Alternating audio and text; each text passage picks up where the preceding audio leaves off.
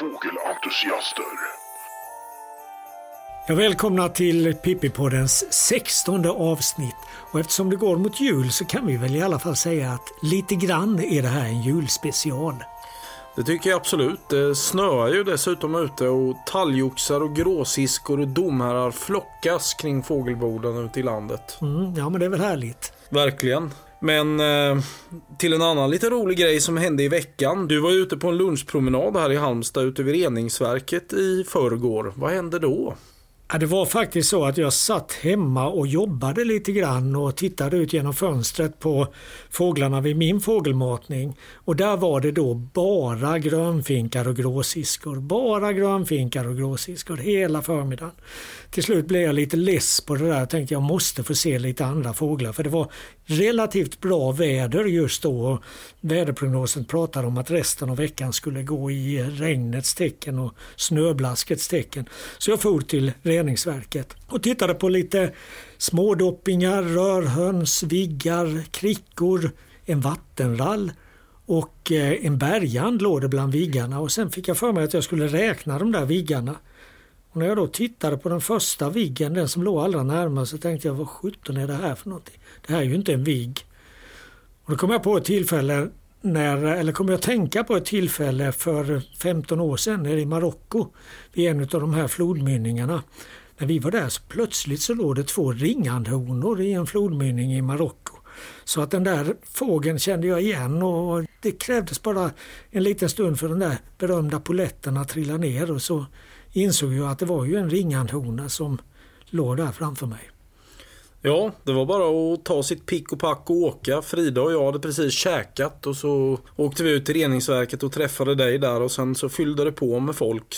Just reningsverket är ju ett häftigt ställe att skåda vid på vintern också. Det är ju som du säger forskällor och smådoppingar och det har varit rördrom och till och med mindre sumphöna en gång i tiden. Man kan ju överraskas och hitta lite vad som helst. Oftast är det ju kanske inget särskilt men sen kan det ju vara något kul. Mm. Nu var ju det här, den här ringanden en hona. Har du funderat över varför så stor andel av de här amerikanska änderna som vi ser i Sverige är hannar och inte honor? Den här honan var ju en, kanske inte unik men väldigt ovanlig i alla fall. Ja, kan det vara så att honorna är mer eh, ortstrogna än hannarna? Det är väl den teorin som man oftast stöter på. En annan teori kan ju vara att, eller en annan förklaring kan ju vara att honorna är ofta svårare att bestämma än vad hannarna är. Men just ringandhonan är ju ganska distinkt och även bland ringänderna så är det betydligt färre honor än hannar i Europa. Och det stämmer ju säkert det här med att honorna de är åtstrogna, de återvänder till den platsen där de är födda eller där de har häckat tidigare medan hannarna som bildar par med en hona någonstans i vinterkvarteret, han får snällt följa med henne hem till, hem till dig. Mm. Och bara för drygt tre år sedan så hade vi ju en hanne ringande i reningsverket som nästan låg på samma ställe. Så det kanske dyker upp fler roliga änder nu framöver. Det kan vi väl hoppas för det är ju ett väldigt lättillgängligt ställe det här. Man tar sig dit lätt och det är väldigt mycket vanligt folk så att säga som kommer och gående där förbi och som ofta intresserar sig för vad det är vi tittar på. Ja, det är en fin runda att gå Prins Bertil stig och sen så kommer man bort mot Aleskogen och kan gå ända bort till Tylösand om man vill. Och nu har vi hamnat i Halmstad igen och vi vet från några av våra lyssnare att de hemskt gärna vill att vi ska prata om andra fåglar också. Och just när det gäller vattenrall så när vi var och tittade på ringanden så visade ju den vattenrallen upp sig. Och det är ju inte den enda vintervattenrallen som vi kan njuta av i Sverige. Nej, det finns ju de uppe i Råstasjön där uppe i Uppland där det väl. Det är väl de som har blivit inmatade med leverpastej. Ja, det måste vara en häftig syn att mata vattenrallar med leverpastej. Jag har bara varit med och ringmärkt ett par stycken men det är ju sanslöst roliga fåglar med roligt läte. Det låter som att de skriker som en gris i vassen.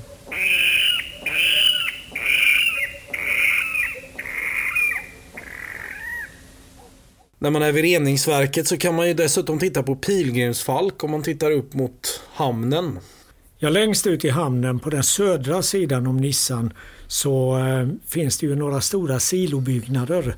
Och där häckar det ett par pilgrimsfalkar sedan några år och eh, där är också pilgrimsfalkar under hela vintern. Och det är ju eh, många gånger man får uppleva ganska hisnande jakter när de jagar tamduvor och kajor och ja, skrattmåsar. Det verkar ju vara det, de viktigaste bytena för de här hamnfalkarna och det är väl så på många håll tror jag.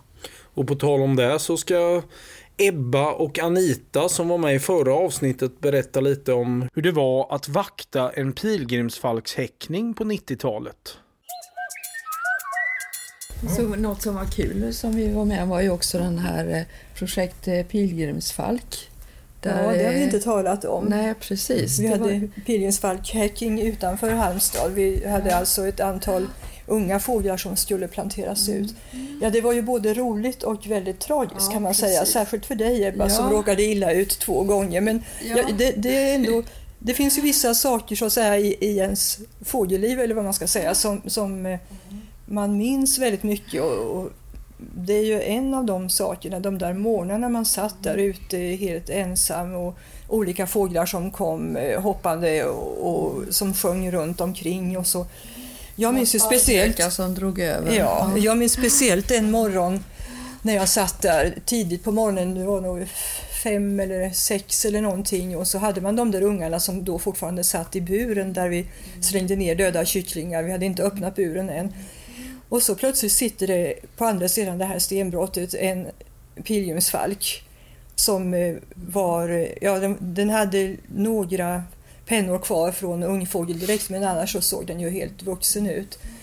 Och, och, Det var ju jättefascinerande. Den stannade där ganska lång stund. Den flög ner och badade i en pöl nere i, på marken och sen satt den uppe och solade sig på en hylla. Och där var ju några skator som upptäckte den och kom genast och drog den i skärten gång på gång och så till slut så gav den upp och flög.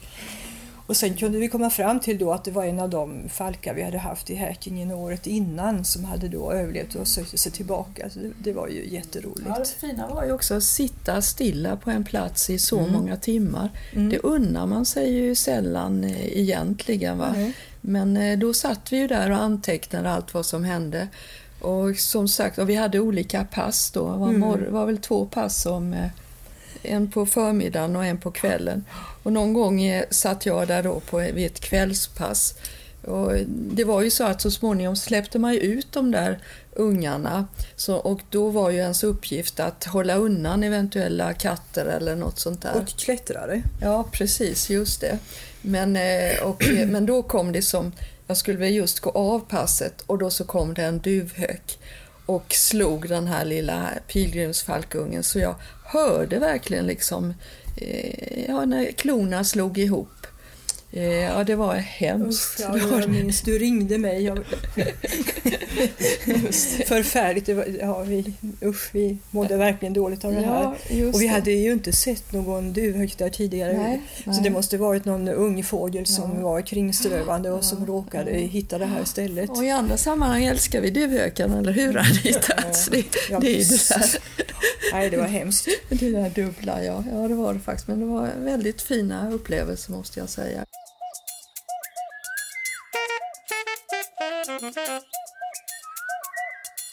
Vi brukar titta lite närmare på aktuell forskning i Pippi-podden och den här gången så handlar det om gäss. Yes. Det är nog en ganska spridd uppfattning att de enorma mängder gäss yes som numera finns i Europa är en sentida företeelse som främst har orsakats av förändringar i jordbruket. Med dagens stora arealer av höstsådda grödor så har ju gässen närmast obegränsad tillgång till mat under hela vinterhalvåret. Men nu pekar en dansk-svensk studie på att det även tidigare i historien funnits mycket stora mängder gäss. Men att dessa trängts tillbaka, först av den senaste istiden och därefter av människan. Men sannolikt så hade människan under stenåldern och bronsåldern också en positiv betydelse för gässen genom att det röjdes mark för jordbruksdrift och betesdjur, något som även gav gässen bete. Det är den senaste tidens landvinningar genom DNA-sekvensering och genomforskning som gjort det möjligt att kartlägga historiska populationsstorlekar utifrån förekomst av inavel och genförändringar, sånt som man hittar spår i fåglarnas gener av. Och via några olika metoder så kan man beräkna den så kallade effektiva populationsstorleken och utifrån den även den verkliga populationens storlek. Och man kan alltså gå mycket långt tillbaka i tiden, som redan antytts även till hur det var före den senaste istiden. Och I de här aktuella studierna så har man tittat på bestånden av spetsbergsgäss, som förutom på Svalbard även finns på Island. Och man konstaterar att populationen var mycket stor före den senaste istiden. Men under den långa tid på runt 80 000 år då stora delar av Nordeuropa var täckt av inlandsis trängde spetsbergsgåsen tillbaka och hela populationen var sannolikt väldigt, väldigt liten. Men efter istiden så växte beståndet åter för att nå en ny höjdpunkt ungefär vid vår tideräknings början, alltså år 0. Fast inom en relativt kort tidsrymd efter det ett par hundra år sådär, så minskade beståndet markant på nytt och det kollapsade helt för cirka 1500 år sedan. Därefter låg det på en mycket låg nivå ända in i våra dagar. Frågan är då vad som orsakade kollapsen för 1500 år sedan. Då fanns det inga gevär och jakt med pilbågar, slungor och andra enkla vapen kan inte ha fått de här dramatiska följderna. Det var knappast heller några tydliga förändringar i klimatet som rådde då. Forskarna bakom studien pekar istället på den omfattande fångst av gäss under ruggningstiden som bedrivits i många olika kulturer och över i stort sett hela norra halvklotet. Hundratals, ibland tusentals gäss kunde fångas vid ett och samma tillfälle genom att de flygoförmögna gässen drevs in i stora ryssjor. Det finns berättelser om att både vikingatidens och medeltidens islänningar under sommaren begav sig upp i högländerna för att fånga gäss. Man misstänker att detta även drabbade populationen på Svalbard eftersom man vet att ryska fångstmän fanns där redan tidigt. Och på tal om Ryssland, det är även belagt att lägerfångare under Gulagtiden skickades ut på tundran för att fånga gäss i stor skala på det här viset. Och nu några ord från de som vi sponsrar.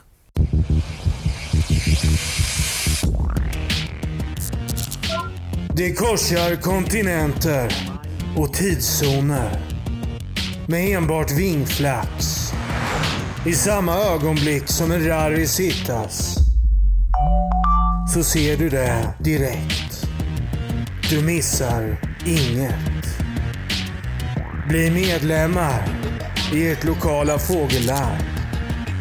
Bli medlemmar på band i er hemkommun.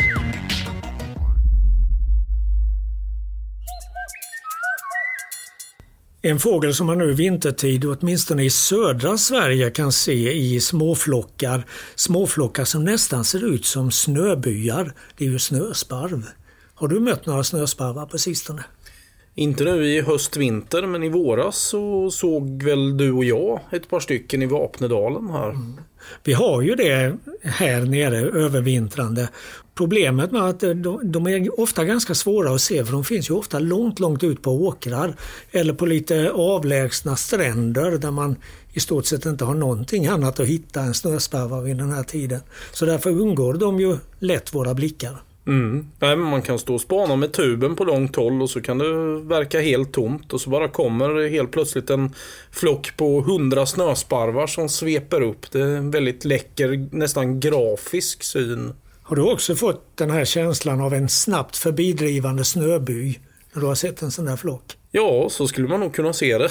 ja, i alla fall är det många snösparvar i en sån här flock. Jag kommer ihåg för ganska många år sedan när hamnutfyllnaden i Halmstad fortfarande var bara ett helt kalt landskap, då var det ofta en flock på några hundra snösparvar på vintern. Och då fick man ibland den här känslan att oj, nu kommer det en snöby här. Men nej, nej, det var fåglar där.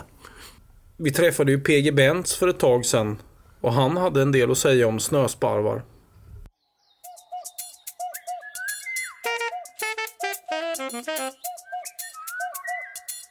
Så här på senhösten så är man kanske inte så sugen på att åka till fjälls. Men jag hade faktiskt en eh, sån här liten déjà vu-upplevelse när jag satt och jobbade med Fågelåret för en tid sedan. Och det handlade om snösparvar.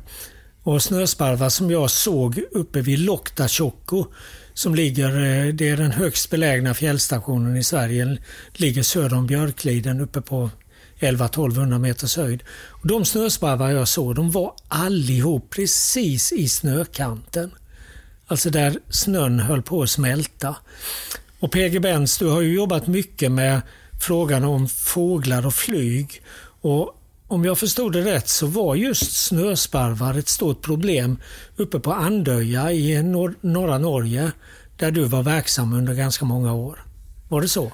Ja, under de 18 år som jag bodde i eh, Norge så eh, hade jag ju min bas så att säga i Oslo och jag eh, jobbade för norska flygvapnet och även för det norska luftfartsverket. Och det var ju så att norrmännen, precis som vi svenskar, hade ju stora problem med fåglar på flygplatser och Eh, fåglar är ju alltså ett problem för flygsäkerheten. Det är ju hemskt att berätta det kanske, men, men så är det. Eh, för många så är ju fåglar små dunbollar, men för piloterna och eh, ja, speciellt stridspiloter så är ju fåglarna kanonkulor. De är väldigt hårda att komma i kontakt med under flygning. Eh, det var i varje fall så att uppe på Andöja, det är alltså en stor eh, ö i nor Nordnorge, ligger norr om eh, Lofoten, närmare bestämt i det område som heter Västerålen, så finns det alltså en flygplats på nordspetsen i Andenäs, Andöja flygstation. Och det är alltså en det är ju dels en militär bas med en del ja, NATO-aktivitet och dessutom så är det då en civil flygplats. Eh, där hade man under många år haft problem med snösparvar, enorma flockar med snösparvar som under våren i april-maj dök upp alltså som någon värnpliktig sa som befann sig där att det var flockar på 100 000 eh, snösparvar. Det tror jag inte det var alltså men det var väldigt många där jag sett med egna ögon. Så eh, i början på 80-talet så var jag där uppe för att utröna problemen med snösparvar på den här flygplatsen och det var just i april som de första dök upp och eh, det växte till sig, det blev fler och fler och eh, eh, ja, kulmen var väl i månadsskiftet precis. Mm. Till men, men, innan vi går in mera på detaljerna där. Vad sjutton gjorde de här snösparvarna där vid den tiden på året? Alltså ja. i april då, då tänker man då borde de vara på väg upp på de höga fjälltopparna för att häcka. Mm. mm. Ja, det var det man trodde först, att det var ju lokala fåglar som bara väntade på snösmältningen uppe i fjällen skulle upp och häcka där på Andöja. Men för det första, om det, jag såg själv flockar på 10 000 snösparvar och så många snösparvar var det inte plats för i de fjällen, det är jag helt övertygad om. Men det visade sig ju att det fylldes ju på med snösparvar och kulmen var just i månadsskiftet april-maj och sen ebbade det ut, ut i maj och blev färre och färre. Och det visade sig ju att eh, vi fångade ju över 800 snösparvar och eh, målade dem gula. Så de var ju inte svartvita längre utan svartgula. Det var pikrinsyra vi använde. Mm. Och jag har efteråt fått reda på att när jag flög med dunkar med pikrinsyra från Fornebu, som flygplatsen i Oslo hette tidigare, upp till Andöja så eh, visste ju inte jag att pikrins är högexplosivt. Så att eh, det var ju lite spännande efteråt att få reda på det. Men vi överlevde och vi landade ju med de här dunkarna med pekrinsyra. Och det, vi fångade ju de här snösparvarna och ringmärkte dem och vägde och mätte och, och, och tittade på fjäderdetaljer för att eh, undersöka art, eller förlåt, rastillhörigheten. Och målade dem då på alla de vita ytorna så att säga gula. Mm. Fick ni reda på var de hörde hemma någonstans? Ja, det fick vi ju. Alltså, vi meddelade, vi, det vi såg vid något eh, tillfälle på kvällen det var ju att de här enorma flockarna med snösparvar började tjattra som tusan och sen så tog de höjd och så gick de ju i vida cirklar upp till 300 meters höjd i skymningen och sen försvann de ut över Norra ishavet.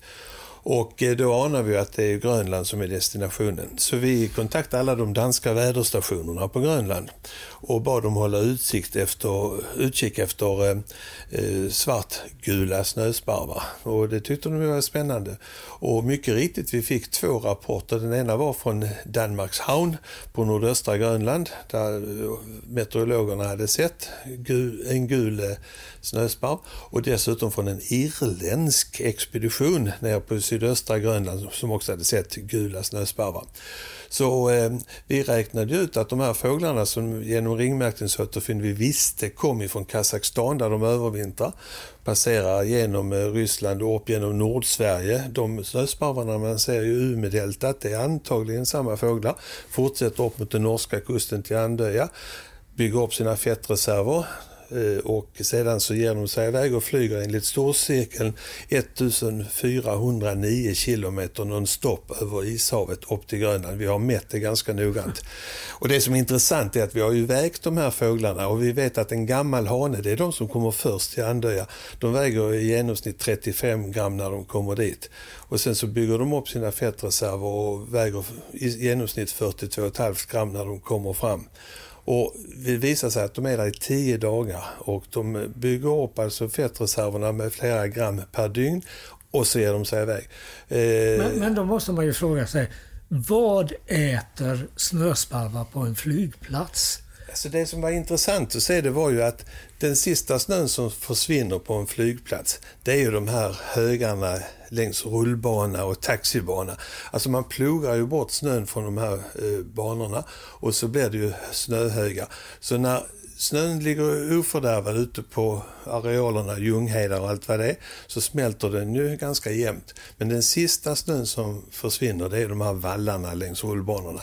Och där blir det ju en smältzon på varje sida om vallen. Och där blir det ju alltså, marken blir genomdränkt med vatten, den blir mättad med vatten. Och de harkrankslarver som finns där, de tvingas upp till ytan för att överhuvudtaget kunna överleva. De andas ju luft så de tog sig upp till ytan. Så man såg ju sällan eller aldrig snösparvar som sprang uppe på snövallarna utan de vadade i det här smältvattnet och plockade harkrankslarver. Vi tillät oss att samla in en del och kolla maginnehållet och det visade sig att det var uteslutande harkrankslarver de åt. Så det förklarar också den här upplevelsen jag hade i Loktasjok och varför snöspannarna gick precis vid snöranden hela tiden. Absolut, absolut. Men sen var ju frågan hur skulle man lösa det här problemet?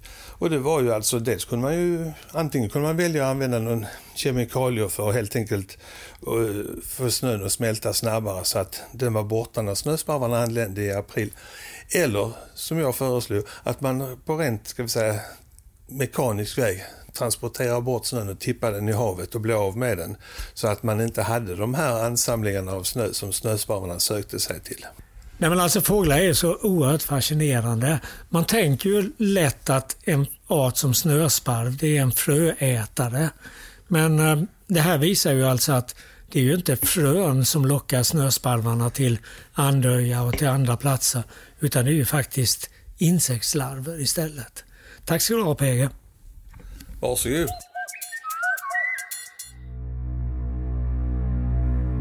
Det är något visst med just vita fåglar, eller hos fåglar där det vita är dominerande i fjäderdräkten. Kanske är det djupt rotat hos oss från barndomen. Den vita duvan symboliserar fred. Färgen vit symboliserar renhet, oskuldsfullhet och ärlighet.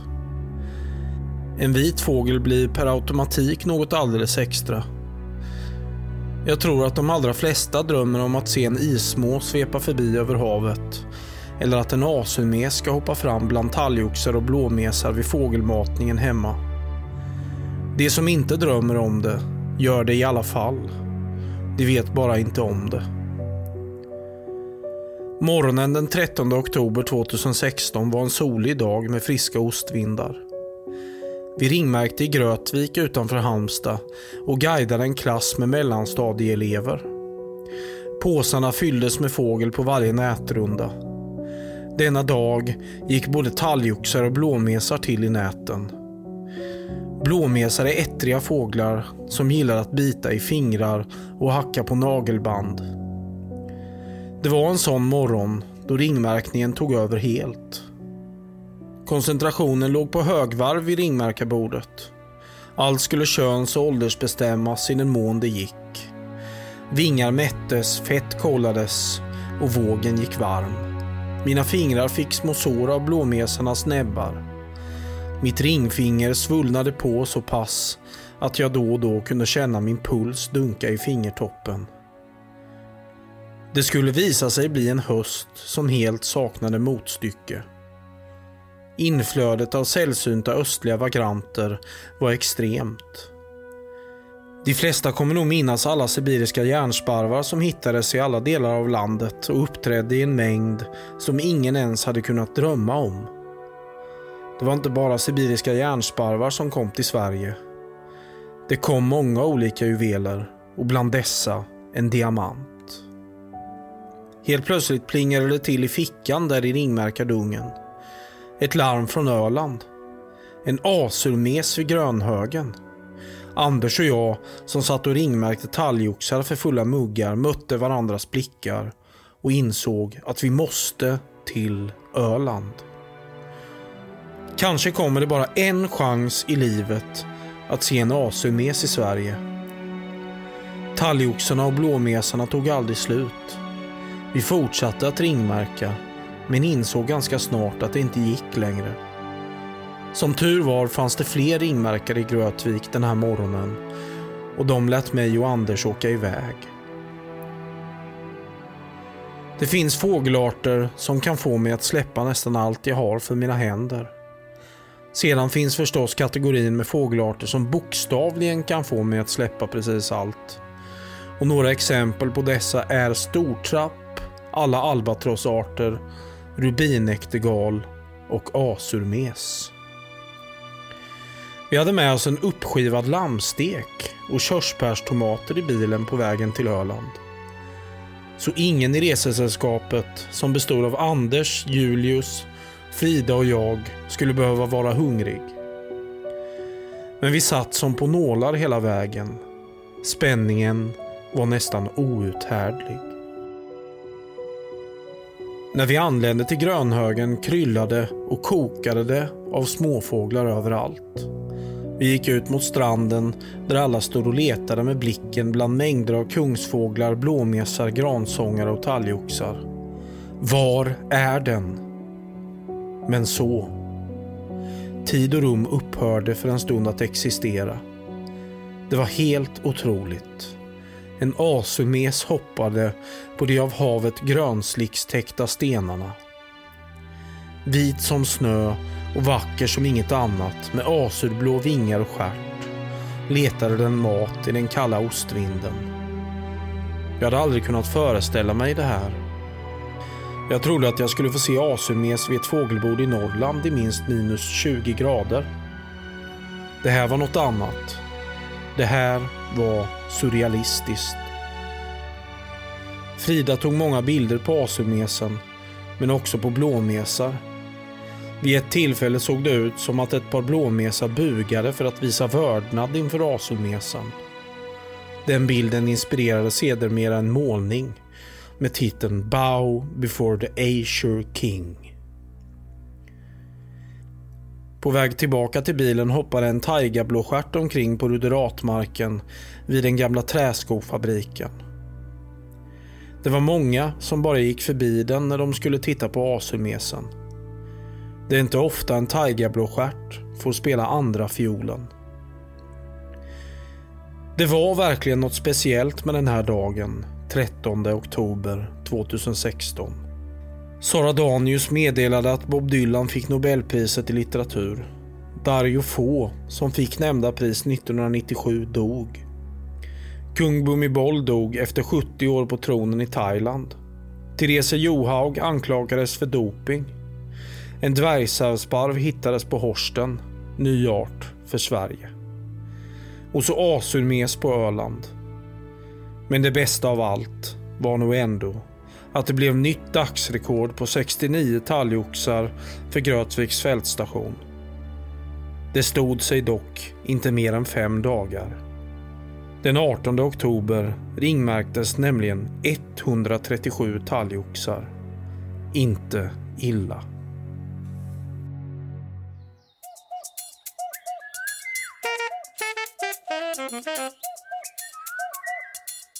Det hör ju till Pippi-podden att jag ska tycka till om olika saker. Och den här gången, den här gången är jag verkligen, verkligen förargad. Jag, för att inte säga rent ut sagt, förlåt uttrycket, förbannad! Och jag är förargad och förbannad på dessa julkort som visar domherrar sittande i havrekärvar. Det är en förfalskning, det är fel, det är falskt. Det är, jag blir så arg! Det ska vara gulsparvar! Ja, det är självklart att det ska vara gulsparvar som sitter i havrekärvarna.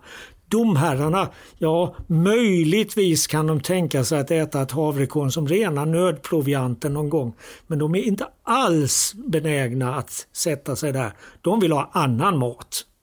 Och domherren är ju verkligen en fågel som man förknippar med jul och julafton på alla möjliga kort. Ja, det är ju julfågeln framför andra i Sverige. Och det är ju en väldigt trevlig fågel. Den har ju verkligen förmåga att lysa upp när den dyker upp.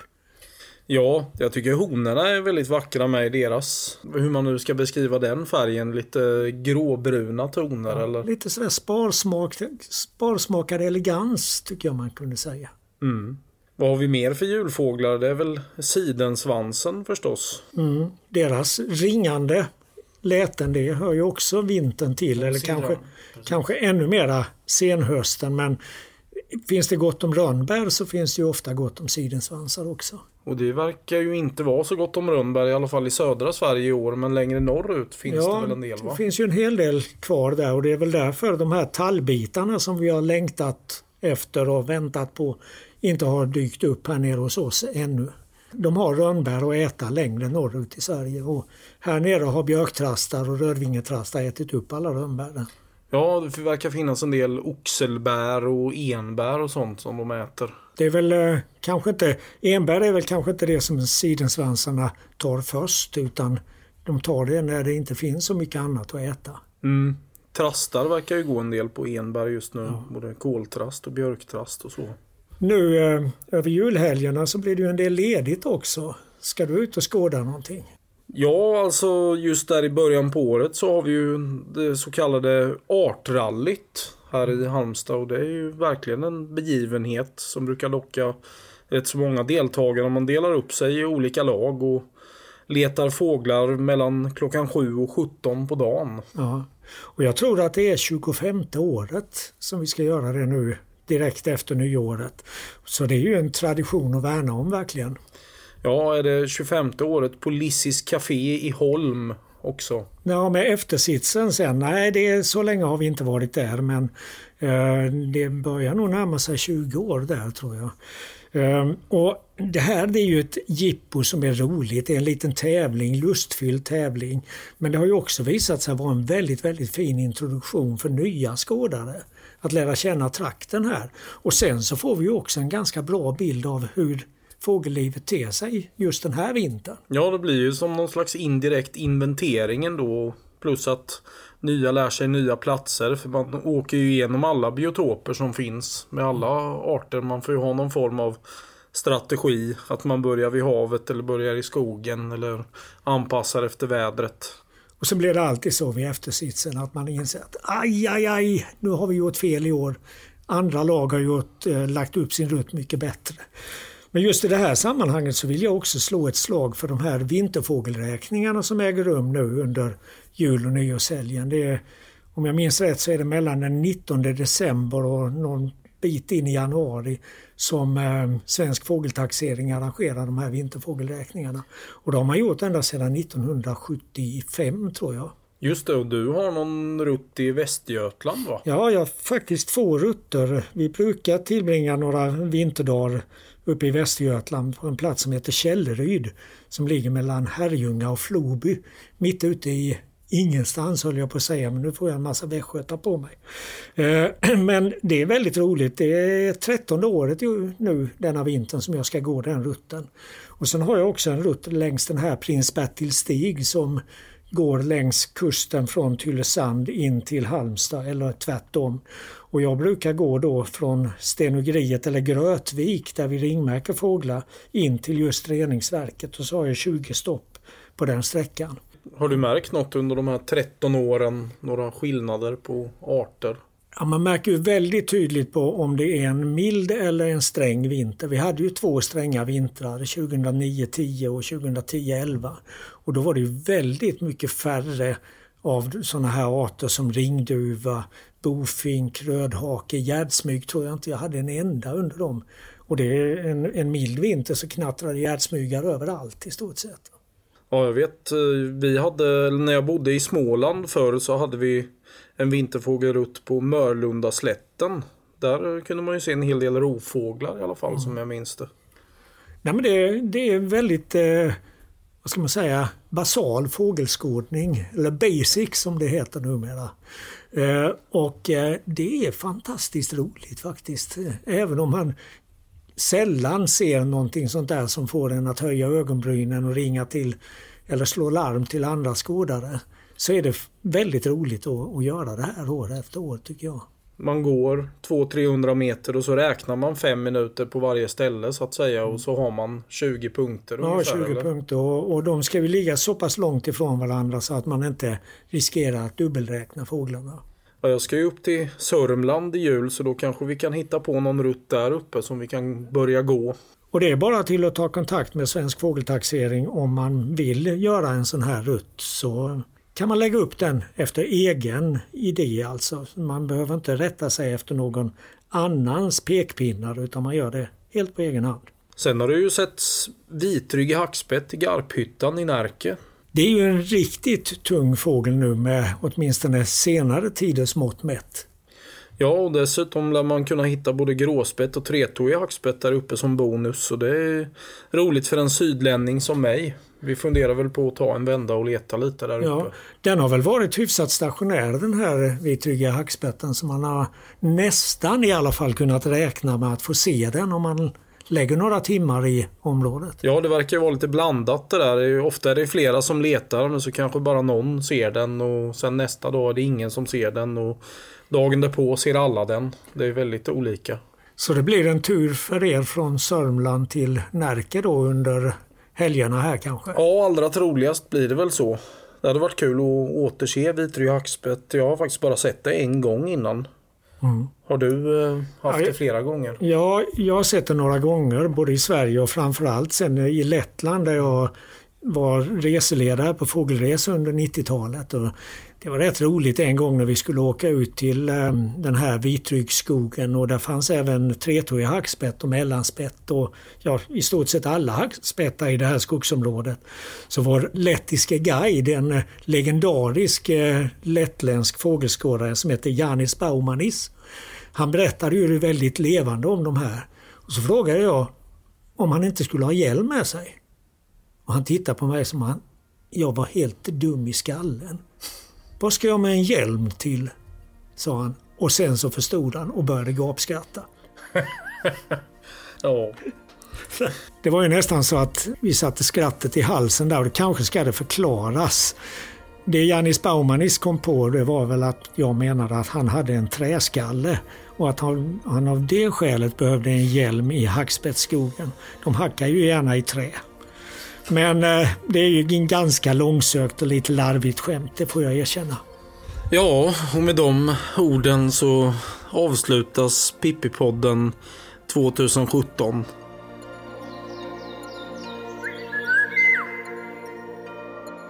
Ja. ja, ja, ja, ska det här vara en julspecial? Det ska vara det kanske. Nej, nej, nej. Skitsamma. Eller ska det vara det? Nej, Nej, men det, det kan det ju vara alltså. Det är inga bekymmer så. Redigering av Frida Nettelblatt. Pippipodden produceras i samarbete med Studiefrämjandet.